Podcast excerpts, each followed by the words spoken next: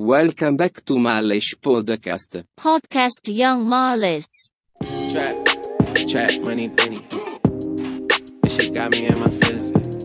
Oke guys, hello, welcome to Malus Podcast. Hari ini gue gue collab sama Los Chavales. Kalian bisa nyari di YouTube. Buka aja di YouTube kalian. Dia juga ngebahas-bahas bola juga. Ada juga pembahasan taktik di sana. Kalian bisa banget dah cari tahu cari tahu pembahasan soal bola di sana. Dan ya, hello Bro Axel. Uh, good and Morgan. Goedemorgen. Oh gitu cara oh, gitu cara nyebutnya. Gue bingung Iya, nyebut bahasa. Belanda. Gimana bro AC Milan lu? Kemarin habis dibantai Inter Milan. Ya, ya sebetulnya bisa diprediksi sih permainan yang kayak gitu ya. Soalnya apa namanya pertanding beberapa pertandingan terakhir kan emang apa rada mengkhawatirkan gitu kan kondisinya. Jadi pas kalah begitu ya udah gitu. Jadi no surprise lah istilahnya gitu. Nggak bukan bukan bukan apa ya bukan sebuah kejutan lagi gitu karena emang buruk banget. Lagian juga Tuh. menurut gue kan itu juga match apa ya? Maksud gue AC Milan nggak ngalah gitu. Maksud gue AC Milan juga masih ngasih perlawanan Hmm. kan walaupun Handanovic juga banyak save yang ada save yang menurut gue gokil gitu. Hmm. Ada faktor Iya, babak babak kedua kan sempat sempat bangkit tuh. Tonali sempat nemuin ritmenya apa segala macam. Cuman gua pas sudah ngelihat apa ya, eh gue udah ngelihat gol kedua, gue udah ya udahlah gitu, udah udah emang nggak nggak bakalan bisa comeback. udah nggak expect banyak. emang udah iya udah kebaca banget gitu kan permainan Milan. Jadi menurut gue ya udahlah. Gitu. Oke. Sementara lu apa Madrid? Lu dukung Madrid? Uh, yap Madrid. Ya Madrid gue sih sejauh Hmm. ini masih oke lah karena kan udah beda tiga poin ya sama Atletico ya di La Liga. Ah. Walaupun Atletico ada satu game simpenan tapi gue yakin sama Hmm. apa ya eh kalkulat perhitungan gue perhitungan gue itu selama Atletico selisihnya cuma 6 poin. Ah. Ya Madrid masih bisa ngebalap karena gue nggak yakin Atletico itu bisa menang Hmm. lawan Barca Madrid pertama itu. Dan kedua gue juga nggak yakin Atletico Hmm. bisa gitu ngejaga ritmenya, ritme menang-menangnya itu. Walaupun juga lu masih Madrid optimis bisa ini ya, bisa juara ya? Optimis dong. Lagian Barca juga Hmm. ya kita tahu lah Barca lagi nggak ini. BTW kita hari ini bakal ngobrolin about Oke. ini ya UCL semalam. Pertama Aha. kita mau ke Lazio atau kita mau ke Lazio Bayern atau Atletico Chelsea dulu nih. Bebas, lu pilih aja. Oke, gimana kita langsung ke big match yang pertama yaitu Atletico Atletico versus Chelsea. Iya, Ya. ini kita kita sama-sama tahu ya ini bahwasannya ujian pertama Hmm. buat Tuchel ya. Tu- Tuchel akhirnya bertemu dengan lawan yang sepadan lah istilahnya ya. Ya. Menurut lu Tuchel semalam udah ngelewatin ujiannya dengan berhasil belum? Apa ini masih luck masih lucky buat dia? Masih ada faktor beruntungnya? Sebetulnya gini ya, kalau eh, bisa dibilang eh, Atletico itu mainnya cukup naif menurut gua. Cukup naifnya kenapa? Lu kalau lihat mereka kedua tim ini kan main formasinya hampir sama ya. Kalau nggak salah 3-4-2-1 kalau nggak salah ya. Yep. Kedua tim ini. Kalau itu itu berdasarkan apa? Sofa score ya. 3-4-2-1 kedua tim kedua tim main hal yang sama tapi kalau lu lihat lagi gua lihat babak pertama gua kan lihat gue tonton 15 menit babak pertama Atletico tuh mainnya naif banget naifnya dalam artian begini mereka yang tadinya gue pikir dengan 3-4-2-1 bakalan nyerang itu mereka ternyata eh, bertransformasi pas bertahan jadi 6-3-1 jadi lu bayangin ya dari 3-4-2-1 atau 3-4-3 dia bertransformasi jadi 6-3-1 dan 6 backnya itu sejajar berdiri sejajar yang benar-benar sejajar. Jadi Chelsea deserve a win gitu. Eh, ngelihat secara permainan. Da- cuman masalahnya efektivitas aja sih menurut gua gitu. Mereka menguasai pertandingan Chelsea menguasai pertandingan sementara Atletico cuma ngandelin counter attack bermain seolah-olah mereka apa ya kayak gue bilang tadi naif dengan artian bahwa mereka tuh bermain seolah-olah mereka tuh tim kecil gitu bermain secara inferior. Tapi secara yang bersamaan eh ya kita bisa lihat juga Chelsea mendominasi permainan walaupun emang beberapa peluang juga nggak bisa dimanfaatin dengan baik efektivitas di lini depan ya yang gua sorot. Tapi still lah Chelsea deserve a win gitu. Kalau menurut lu gimana? Eh, ya we know. Di awal kan juga Atletico sebenarnya ada hmm. golden chance gitu di mana Tom eh, Hmm. sem- siapa ya, Thomas Lemar atau siapa gitu miss depan gawang miss menurut gue Hmm. apa yang udah dilakukan sama Simeone emang I think ya itu Simeone banget bertahan masang 6 back sejajar kayak gitu emang Hmm. Simeone banget Hmm. dan blundernya itu menurut gue mungkin bukan blunder ya mungkin ada faktor luck juga di babak kedua golnya Hmm. Giroud itu juga menurut gue bukan kalau gol-gol set piece kan ya kita tahu lah atau enggak gol-gol yang udah dilatih kan kita tapi menurut gue golnya Giroud itu masih apa ya masih lucky gitu masih masih faktor luck tuh menurut gue menurut gue ya itu seben- menurut gue itu Giroud itu sebenarnya masih ada apa ya bukan dia yang nyelesain menurut gue Hmm, siapa? kemarin tuh eh, Mason Mount atau siapa gue lupa. Tapi Ya. menurut gue sebenarnya di babak pertama itu Atletico berimbang lah menurut gue walaupun Chelsea sedikit unggul ya karena kan ya Chelsea kan nguasain bola. Jadi gue rasa emang Atletico berimbang di awal tapi di babak kedua itu yang karena mungkin gol Giroud ya Atletico jadi mau nggak mau harus Hmm. bermain terbuka buat dapetin gol penyimbang Ya, Eh. tapi kalau kalau gimana ya maksudnya dalam artian kalau dibilang seimbang secara kualitas kalau gue bisa bilang ya kualitas pemain, kualitas materi pemain mereka cukup seimbang. Tapi secara secara permainan itu benar-benar nggak nggak banget menurut gue nggak bangetnya karena ya itu tadi gue bilang Chelsea itu eh, mendominasi permainan, cuman masalahnya efektivitas lini depan loh. Mereka itu bisa cetak gol lebih dari satu, Iya. ya kan? Cuman bermodal faktor luck jiru aja gitu kan yang yang disahkan oleh VAR gitu. Padahal seharusnya mereka bisa leb- apa cetak gol lebih dari itu dan di saat yang bersamaan juga Chelsea menurut gue lini belakangnya cukup bagus gitu Ya. kan. Dan Alonso kan kita bisa lihat kan semenjak semenjak Tuchel apa menggantikan Lampard eh, lini belakang Chelsea jarang banget kebobolan kan gitu kan.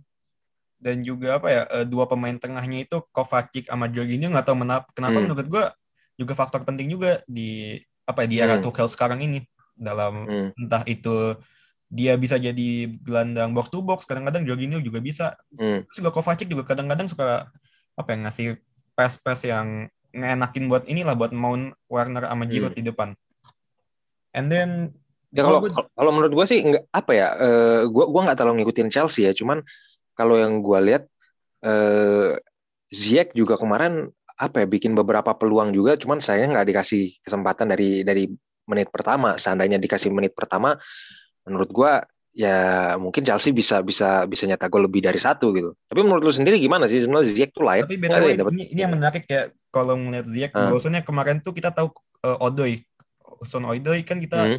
Kemarin tuh sempat main kalau nggak salah di sebelum laga lawan Atletico di Premier League dia cuma main 20 berapa menit ya habis, habis diganti lagi sama Tuchel. Hari ini Ya. dia main jadi starter.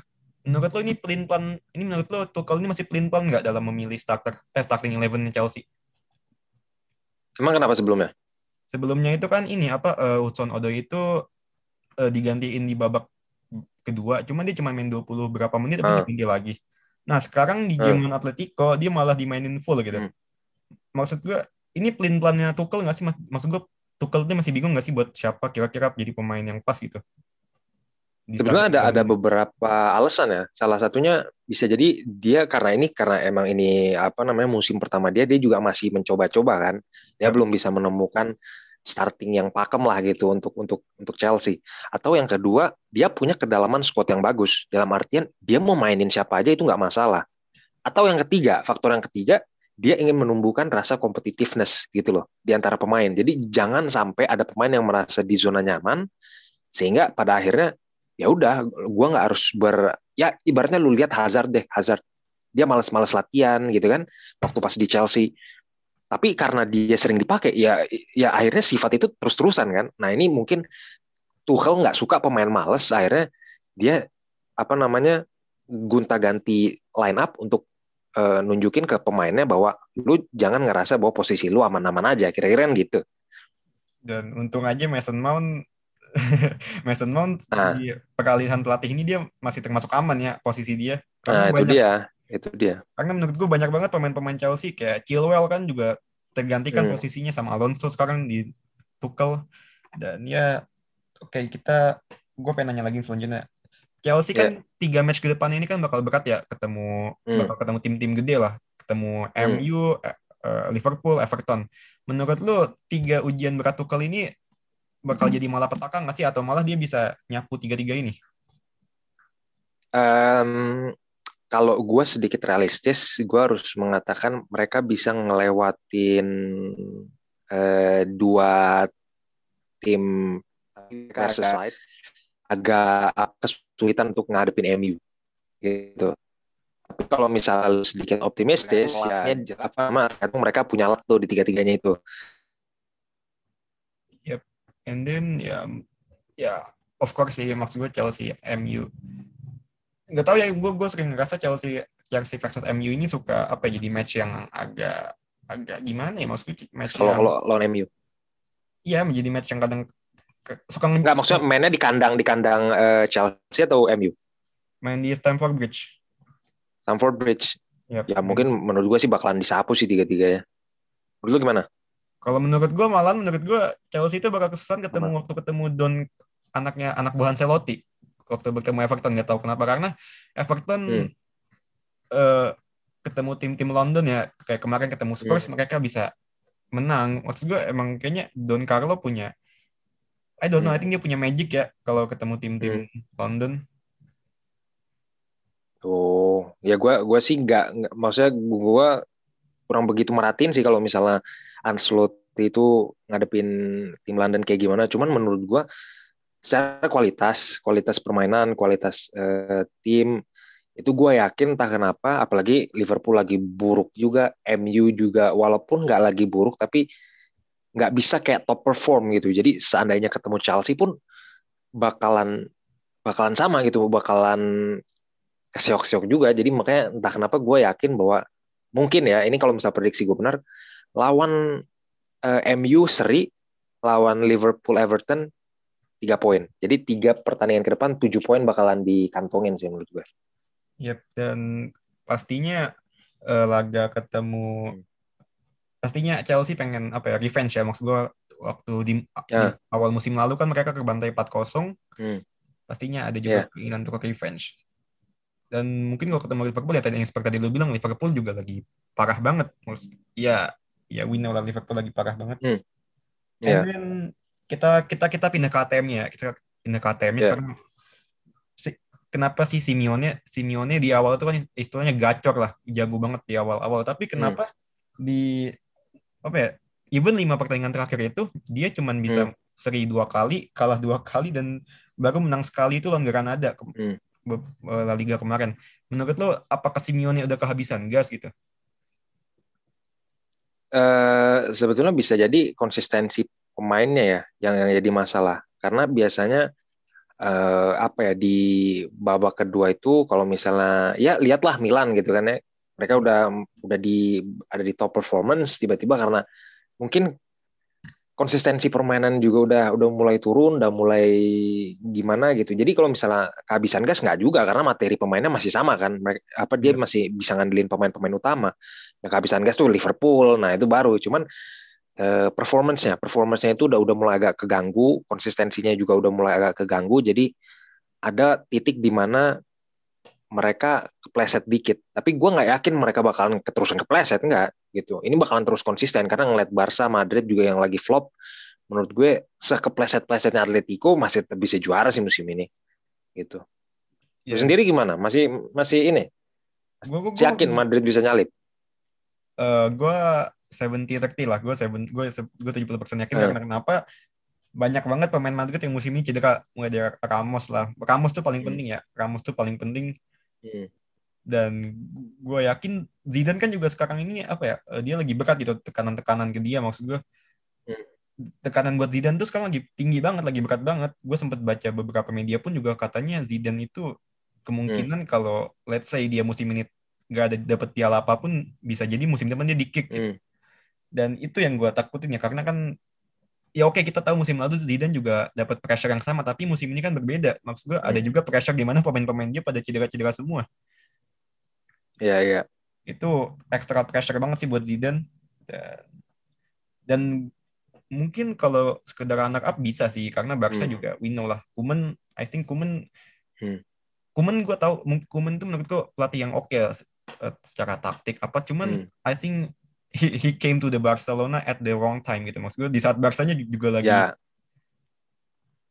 ya kayak, maksud gue Griezmann juga ya you know lah and then Ya ini juga sempat sempat sempat dibahas juga sih sama sama apa si Coach Justin katanya Kuman minta defend apa pemain belakang tapi ya itu Barsanya aja lagi mau bangkrut kan jadi kan Yap. susah juga mau belanja pemain jadi ya, ya itu juga jadi faktor lah gitu. I think Barca bakal apa ya bakal susah gitu maksud gue tiga tiga dua musim ke depan ya ditambah Hmm. faktor finansial juga Iya kan gitu. bakal berat buat Hmm. comeback ke apa ya, performa dia top lah. And then we go to match selanjutnya yaitu Lazio versus Bayern ya. Hmm. Ya kita tahu Bayern have win but dari tiga pertandingan terakhir itu Bayern seri sekali, kalah sekali, menang sekali. Ini Hmm. pertandingan yang sekar- yang tadi ini. Menurut Hmm. lo Bayern ini ada efek kelelahan gak sih karena kemarin dia juga ikut Piala Dunia antar klub. Karena ada tiga match ini dia nggak konsisten gitu, nggak bisa menang tiga beruntun. Ya kalau kalau menurut gue sih kalau faktor kelelahan setiap tim juga punya kelelahan ya. Tapi cuman kalau misalnya apakah karena ikut FIFA Club World Cup, gue nggak yakin gitu loh.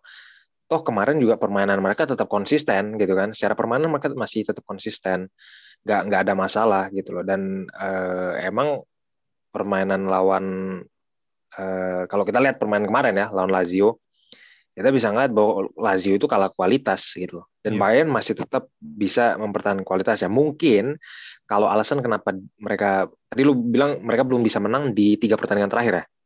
Iya enggak, mereka tiga pertandingan terakhir bakal menang sekali, abis itu seri sekali sama kalah sekali.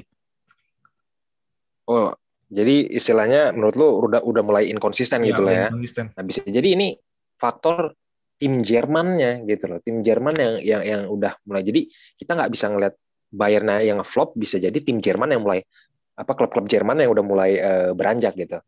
Jadi menurut gue sih ya permainan eh, apa namanya permainannya Bayern masih tetap kayak biasanya ya. Kalau misalnya lu lihat pertandingan kemarin sama video gue apa namanya yang gue lihat eh, apa yang gue bikin Laz- apa namanya Bayern lawan eh, Tigers eh, ini klub Meksiko di final kemarin permainan masih tetap sama. Cuman emang kalau misalnya kemarin lawan Lazio emang Lazio-nya kalah kualitas menurut gua. Tapi menurut Gitu. tuh ke- kekalahan Bayern eh, hari weekend kemarin waktu ketemu Eintracht Frankfurt, gimana cara ngomongnya? Eintracht? Hmm. Waktu ketemu Frankfurt itu Ya, Eintracht lu, Frankfurt. ya waktu ketemu Eintracht Frankfurt itu menurut lu emang apa ya Fra- Frankfurt yang mem- apa ya lebih lagi emang lagi his lucky day or emang Frankfurt apa ya istilahnya di atas Bayern gitu? Maksud maksud gue secara permainannya di atas Bayern. Ya kalau kalau menurut gua permainan masih tetap Bayern ya, cuman mungkin Eintracht Frankfurt dapat dapat apa namanya lakinya aja di situ di hari itu gitu loh. Jadi eh, ya kita nggak bisa nyalain Bayernnya gitu. Mungkin Bayernnya eh, ya secara permainan mereka udah konsisten, tapi emang lucknya nggak ada gitu kan. Per- apa bola kan juga perlu luck kan. Jadi Iya. nggak nggak nggak cuma ini doang, nggak cuma permainan taktik.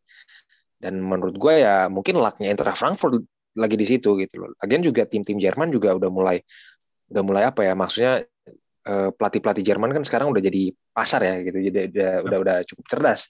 Jadi menurut gua menurut gua eh, di sisi yang bersamaan juga pelatihnya Eintracht Frankfurt juga udah udah bisa ngebaca gitu loh Bayern mainnya kayak gimana. Jadi itu juga kebetulan lucknya juga lagi ada di situ sehingga jadi nggak mengherankan kalau misalnya Eintracht Frankfurt bisa menang gitu lawan Bayern. Oke. Jadi bukan Bayern aja yang harus kita sorotin, tapi tim lawannya juga ya kan kita kita lihat mungkin tim lawannya juga udah mulai menanjak nih gitu performanya gitu loh, bukan Bayern yang menurun kan gitu. And then oke ini gue pengen lanjut nih. Semalam itu ada pemain yang pemain muda yang Hmm. menurut gue apa enak dilihat namanya Jamal Musiala. Dia main di posisi yang sama kayak Hmm. Thomas Müller. Karena kan kita tahu Thomas Müller lagi Hmm. apa ya lagi dari COVID ya kalau gue nggak salah ya Thomas Müller. Iya iya. Jadi so menurut lo Jamal Musiala ini si pemain muda ini menurut lo udah bisa ini belum sih menggantikan peran Hmm. Thomas Müller yang berperan sebagai Dumter di Bayern Munchen ke depannya? Ya gimana ya kalau kalau ngelihat permainan dia semalam ya gua harus mengatakan gitu ya kalau ya lu mainin apa salah satu pemain Bayern yang umur 15 tahun pun masih tetap bisa nyetak gol lawan Lazio gitu loh nggak nggak mengherankan. Cuman kalau misalnya gue lihat eh, si Jamal ini prospek ada gitu loh. Tapi kalau untuk menggantikan Thomas Muller masih terlalu jauh menurut gue. Kenapa? Karena ini baru baru satu pertandingan. Gue baru lihat dia satu pertandingan ya. Nggak tahu kalau dia udah pernah bermain sebelumnya. Tapi eh, di FIFA Club World Cup aja Gnabry yang sempat masuk. Yang sempat apa namanya eh, ngegantiin Muller. Yap. Jadi dia istilahnya masih bisa dilapisin beberapa pemain gitu loh. Dan ini baru lawan Lazio. Coba taruh dia pas di derby lawan Dortmund atau taruh dia pas Bayern lawan salah satu tim kuat lainnya. Apakah dia bisa perform sama seperti malam kemarin? Kalau misalnya bisa, ya ada potensi dia ngegantiin Muller. Tapi kalau misalnya ternyata flop, ya sama aja bohong kan gitu. Kalau menurut lu sendiri gimana? Kalau menurut gue selama eh, Tom Mueller belum bisa main nih, menurut gue lebih baik Bayern menggunakan Jamal Musiala ketimbang naro uh, Choupo-Moting di posisi itu. Karena gue Hmm. nonton gitu waktu lawan Frankfurt Choupo-Moting emang bukan emang dia nggak bisa jadi seorang playmaker. Emang gue rasa emang ya menurut gue dia finisher. Dia dia- dan dia nggak bisa jadi playmaker menurut gue seorang Choupo-Moting jadi Hmm. menurut gue karena Gnabry juga menurut gue dia tipe pemain yang winger ya. Dia dia mesti nggak bisa bermain sebagai playmaker. Menurut gue dia tuh harus bermain di posisinya Kingsley Coman atau enggak di posisinya Sane gitu Hmm. so sejauh ini kalau selama Thomas Müller masih nggak bisa main ya menurut gue daripada Choupo-Moting main mending Jamal Musiala Hmm. sih dikasih tempat sama Hansi Flick and then ini ya kita kemarin nemu apa ya eh, menurut Ya gue juga ya, gue gue juga yakin juga sih maksudnya kalau misalnya dia bisa dia bisa ngelanjutin ya performanya yang kayak gini ya bisa aja gitu loh dia gantiin Muller. Tapi kalau ya sekali lagi gue gue mengatakan kalau ini itu baru pertandingan pertama, jadi gue nggak bisa ngejudge sih, be honest gitu. And then we go to apa ada ada fakta menarik ya di mana akurasi passing Bayern itu sampai nyampe 90% semalam di match semalam. Menurut lu siapa sih pemain yang punya apa ya, peran paling besar dalam eh, aliran bola Bayern di match semalam atau we know lah Bayern kan setiap bermain aliran bolanya selalu ngalir. Menurut lu siapa sih yang punya Hmm. peranan paling penting setelah Thiago Hmm. udah gone, udah go to Liverpool? Hmm. Ya menurut gue pemain semacam eh, Kimmich ya, pemain semacam Kimmich itu dia udah dia istilahnya dibangun dari dari zamannya Guardiola, dia benar-benar dibina oleh Guardiola. Jadi menurut gue seandainya eh, karena kan waktu apa ya, eh, waktu kemarin duet di tengah kalau nggak salah Alaba sama Kimmich kan, Yap. empat dua tiga satu dua di tengah atau Goretzka, gue gua nggak inget deh, Oh enggak Kimmich Goretzka. Kimmich sama Alaba kalau nggak salah ya. Kimmich Goretzka. Oh, Kimmich Goretzka ya? Yap. Nah, Kimmich itu kan yang, yang, yang jadi motor motor serangan gitu loh. Dia tiap kali ini dia yang buka ruang, dia yang minta bola. Jadi dia yang lebih mobile kalau secara secara secara pergerakan. Jadi kalau misalnya dibilang siapa yang yang yang apa namanya yang mempunyai andil terbesar, mungkin gue bilang Kimmich karena Kimmich benar-benar memahami Bayern banget dari zaman Guardiola dan itu masih dia terapkan sampai sekarang gitu loh. Makanya nggak heran kalau misalnya dia jadi istilahnya jadi apa ya eh, pemegang orkestra lah gitu ya, jadi pemimpin orkestranya Bayern gitu. Bentar kalau menurut lu sendiri gimana? Kimmich I think is a Pemain mana nih yang Menurut- ini? Kimmich uh, is a great player maksud gue dia dari zaman Guardiola sampai zaman Ancelotti ke zaman Niko Kovac, Hmm. Hansi Flick. Dia main jadi dia apa ya jadi pemain penting gitu, Hmm. starter. Dan ditambah lagi dia itu pemain Hmm. ya yang bisa bermain di beberapa posisi ya, bisa bermain versatile dan juga kalau dalam keadaan Hmm. Dia juga oke gitu. Makanya gue bilang Kimmich ini pemain underrated. Makanya kemarin uh, waktu FIFA Hmm. Best Player itu kenapa gue agak heran ya kenapa they put Hmm. Oke Henderson eh, kenapa dia mereka nggak mereka nggak naruh Kimmich ya itu gue masih agak kalau nggak salah yang, yang di back Hmm. kanan itu kan gue daripada musim lalu TAA jadi ini mending gue masang Kimmich sih kalau gue jadi inian FIFA ya Hmm. karena Kimmich Hmm. eh, ya Kimmich udah bisa apa ya satu tingkatan lebih lah di atas di atas ya pemain seumuran dia lah and then juga Kimmich ini sometimes dia kadang-kadang juga bisa skill dia itu bagus gitu maksud gue ada Hmm. kadang-kadang pemain yang punya skill tapi ya skillnya bagus tapi visionnya jelek ya Ya. kalau katanya coach Justin ya. Hmm.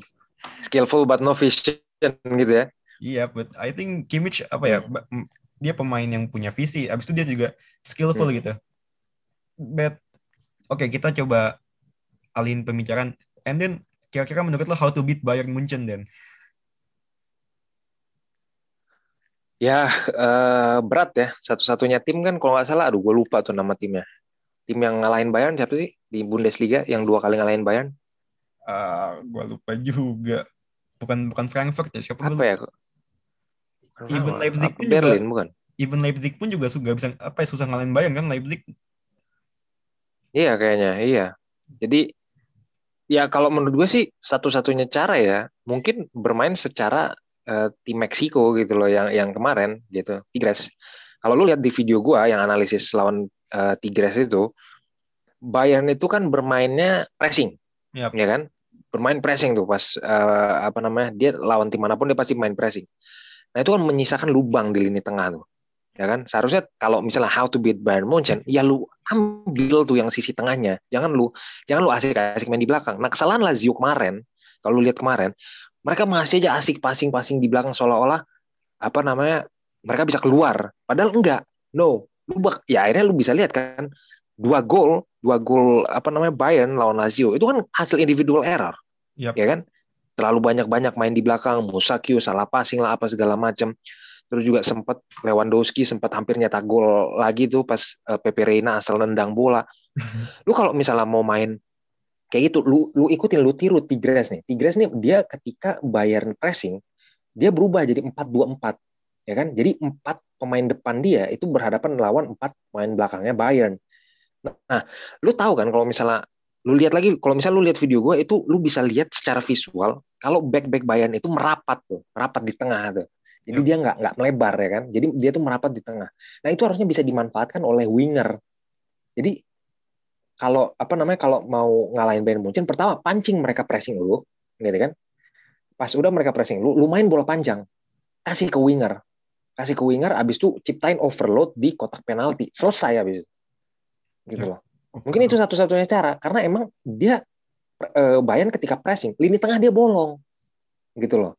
Lini tengah dia bolong terus back dia juga pada merapat. Nah, di situlah harusnya bisa diambil chance. Menurut gue sih gitu. Mungkin kalau menurut gue tim-tim low block bisa sih ngalahin Bayern. Maksud gue tim-tim yang apa garis pertahanannya benar-benar di belakang, eh, let's say kayak Hmm. Atletico or maybe Spurs bahkan tapi Spurs kualitas pemainnya Hmm. jelek ya. Gue gue gue lagian juga Yeah. Mourinho aneh-aneh juga sih sekarang dia kalahnya sama Hmm. tim-tim gak jelas. So gue rasa kalau tim tim-tim bertahan selama lu punya striker yang modelan kayak strikernya Hmm. ya strikernya Atletico lah Suarez atau Hmm. Harry Kane menurut gue bisa eh, karena seperti yang seperti tadi lu bilang itu tengahnya itu kosong Hmm. Iya, kopong tengahnya so buat, harus ada pemain yang turun kan, turun jemput bola terus baru distribusiin bola lagi ke ini kan kan gitu. But dia buat apa manfaatin ruang kosong itu kan buat keluar dari pressingnya Bayern juga nggak apa ya istilahnya juga susah juga keluar dari pressingnya Iya. Bayern and then kita coba kita ke Lazio-nya ya Eh, Hmm. kita ke st- striker Lazio Ciro Immobile Immobile Hmm. udah tiga pertandingan terakhir nggak nyetak gol termasuk pertandingan semalam nggak nyetak gol Hmm. Sementara Lazio ini kan juga di klasmen Serie A berada di peringkat 6 kalau gua nggak salah ya. Cuman beda dua poin dari Juventus yang di peringkat 3, sementara cuman beda tiga Hmm. poin dari Napoli yang berada di peringkat 7. Kemandulan Ciro, Imi- Ciro, Ciro Immobile ini menurut lu bisa jadi ini nggak sih faktor Lazio musim depan kira-kira nggak dapet spot di Europa League or Champions League? Kalau menurut gua nggak bisa bergantung sama satu orang ya. Maksudnya Ciro Immobile eh, kita juga tahu bahwa dia semakin ke sini kan semakin tua, performanya juga mungkin semakin turun. Yap. Ya ngelihat permainan kemarin aja, menurut gua kontribusinya juga nggak terlalu besar-besar amat, gitu kan? Dia ada beberapa peluang dia miss, terus juga apa namanya dia kehilangan bola lah, individual errornya terlalu banyak menurut gua kemarin. Jadi ngandelin Ciro Immobile ya menurut gua udah udah nggak bisa dan harusnya Simone Inzaghi harusnya eh, boleh masih mengandalkan dia tapi seharusnya punya midfield yang juga ini dong yang apa namanya midfield yang mampu menopang dia gitu. Jadi kan Oke. dia dia bisa punya dua pilihan antara dia membangun tim eh, surroundings apa namanya surroundings eh, Immobile atau eh, dia membangun tim secara keseluruhan gitu loh. Itu semua tergantung eh, Simeone Inzaghi. Cuman kalau misalnya dia ingin mengandalkan Immobile, makanya dia harus ya dia harus mencari pemain-pemain yang soal yang istilahnya bisa membantu pergerakan eh, Immobile itu sendiri gitu loh. Yap. Menurut lu gimana? Apa Immobile apa masih masih punya ini? Regardless Ah, umur dia yang udah udah Gua- semakin gua semakin tua kalau about Serie A gue gue nggak pengen terlalu banyak komen ya karena gue Hmm. exactly gue di Hmm. Serie A itu paling cuma nonton Atalanta and then Hmm, Milan hmm. sama Juve kas-kas gue nggak terlalu addicted ya gue nonton Hmm. Atalanta karena gue tahu bakal ketemu Madrid makanya gue tonton Hmm. But Hmm. how about we go to match? Tapi kalau misalnya ngeliat, ngeliat, ngeliat kemarin gitu loh, kemarin menurut lu performa Immobile itu bisa nggak diandelin gitu tuh? Eh, menurut gua performa Im- Immobile itu pertama jelek karena pasti Bayern ngepres ngepres dia Hmm. ya tim tim Italia itu kan maksud gue jarang apa ya jarang ketemu Hmm. tim-tim kayak Bayern yang tiba-tiba lu baru megang bola tiba-tiba Iya. di press gitu banyak so gua rasa Hmm. ya Immobile kalau ketemu tapi Immobile ini menurut maksud, maksud gue striker yang pinter gitu kalau ketemu tim-tim bertahan gitu tim-tim yang Hmm. kadang-kadang bakir bus bisa nyari nyari ruang kosong gitu tapi kalau ketemu menurut gue ketemu tim-tim yang ngepres malah ngedown Immobile ini I don't know but itu menurut gue sih Iya. mungkin kalau fans-fans yang Lazio lebih paham ya sama kondisi tim kalian karena gue nggak terlalu nonton Lazio Hmm. and then kita iya. go kita go to game tar malam ya eh di tempat lu Hmm. sore ya atau ya Ya jam berapa ya? Ya tahu gue, gue nggak lihat ini sih. Apa masih Champions League kan? Hari ini hari Rabu ya? iya Champions League ntar malam itu ada Real Madrid sembilan, atau Atalanta Hmm. menurut gue ini gue menurut gue dulu ya menurut gue match ini bakal Iya. Madrid bakal apa ya gat, lebih dimudahkan gitu karena kenapa Atalanta bermain terbuka Madrid ini kalau Hmm. ketemu tim-tim yang terbuka atau apa ya lebih lebih open lah lebih terbuka pasti mainnya lebih enak Hmm. gitu sempat beberapa kali kayak ketemu Barcelona Barcelona di awal musim di awal di bulan di akhir tahun kemarin kan juga gitu Madrid lebih enjoy ketemu tim Hmm. bermain terbuka lagian juga Atalanta ini Hmm. Oke gue tahu Atalanta di Serie A bagus tapi masih angin-anginan juga. Karena eh menurut gue kehilangan Papu Gomez ya. Papu Gomez menurut gue itu fat, eh, nggak fatal tapi kayak berpengaruh besar juga ke tim ke tim. Tapi Hmm. di Madrid pun juga sebenarnya Madrid juga lagi nggak oke gitu. Maksud gue banyak pemain cedera. Hmm. Dan yang gue takutin itu gue nonton waktu Atalanta ketemu AC Milan di mana eh, counter attack counter attacknya Atalanta itu berhasil Hmm. gue ngeri di counter attacknya Atalanta doang sih yang gue paling takutin ya tapi nggak tahu menurut lu gimana Atalanta Madrid Hmm. Ya kalau menurut gua justru Madrid nggak ada masalah ketemu Atalanta gitu loh. Kalau lu referensinya Atalanta lawan Milan, emang Milan bapuk gitu kan. Emang emang dia backnya, lu bisa lihat aja pas Inter lawan Milan kan. Yep. Backnya aja kayak semacam Romagnoli itu dia ngejaga Lukaku aja sampai social distancing. Dia nggak benar-benar ngejaga gitu loh. Nomor 13 yang yang istilahnya di yang di yang terkenal karena nestanya gitu. Jadi luntur gara-gara dia kan gitu. Jadi menurut gua Madrid yang masih punya Ramos, yang masih punya Varane, Ramos yang cedera, bro. masih punya beberapa back-back bagus, yang nggak nggak bakal kesulitan gitu. Ini bakal Ramos itu kan cedera masih masih cedera belum bisa main Ramos cedera, lu bilang? Iya Ramos cedera masih belum bisa main dia ya paling siapa ya? Eder doang yang paling dipasang situ atau enggak Nacho Nacho Fernandes. Paling sama Varane ya disatuin. Oh ya, menurut gua ya ya nggak maksud gua dalam, arti gini, se- secara, secara umum ya, secara umum kan eh, orang semacam Varane atau atau misalnya back-back lain gitu kan, itu yang nggak kayak tipe-tipe back AC Milan gitu loh. Eh, jadi counter counter semacam counter Atalanta ini masih masih bisa di inilah masih bisa di apa ya istilahnya masih bisa di ditanganin gitu loh. Jadi gua nggak gua nggak nggak bakal bilang bahwa Madrid easy win, tapi bakalan win gitu loh. Jadi nggak easy win tapi seenggaknya bakalan ma- masih masih bisa menang sih. Apalagi leg pertama karena nggak petandang nih Eh, main di Atlanta main di Atalanta ya. Jadi seenggaknya ya satu kosong lah menurut gua ya. Menurut lu gimana? ya tipis-tipis lah gue gak berani expect banyak Tipis ya? Karena juga lagi Hmm. kokong ya timnya habis itu ke match selanjutnya ada Borussia Mönchengladbach lawan Man City I think ya Man City gonna win lah maksud gue ya Hmm. ya walaupun kemarin lawan Arsenal harus gue akuin ya City kemarin tuh Ah. Bisa dikontrol maksud gue Arsenal bisa kontrol City dalam artian Hmm. Arsenal kemarin tuh waktu ketemu City menurut gue bisa apa ya Arsenal malah menurut gue di atas City gitu kemarin itu. Walaupun kalah ya karena gol gol Sterling. Ya. tapi ya emang kita tahu kualitas Arsenal tuh ya jelek gitu. Maksud gue nggak Nah, gitu-gitu bagus aja gitu ya.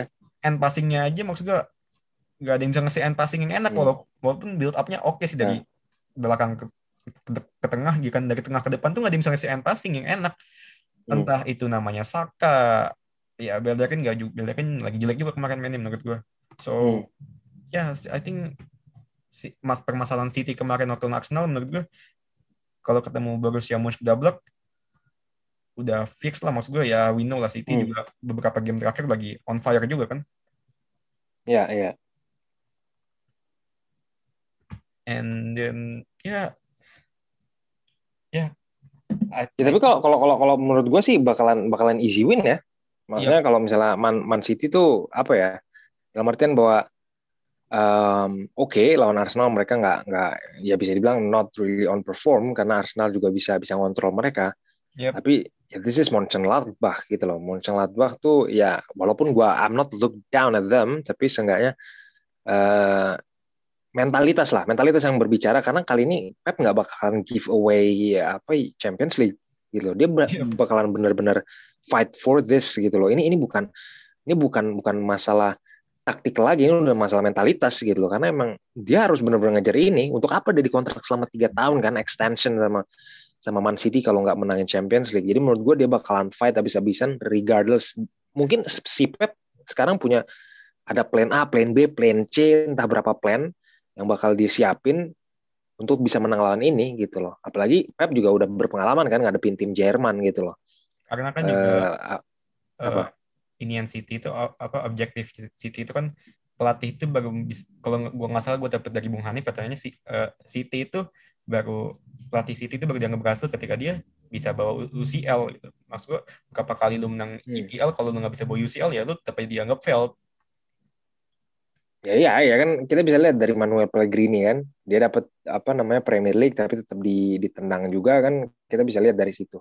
Dan emang emang emang, emang benar gitu loh. Mereka emang apa namanya eh Man City bakalan bakalan nggak nggak segampang itu ngelepas UCL. Ini udah udah masalah mentalitas. Makanya gue bilang kalau ngadepin Mönchengladbach mungkin secara di atas kertas Man City bisa bisa menang besar. Tapi kalau misalnya pemainnya terlalu ngeremehin udah selesai gitu loh. Udah udah udah nggak bisa ini lagi kan gitu.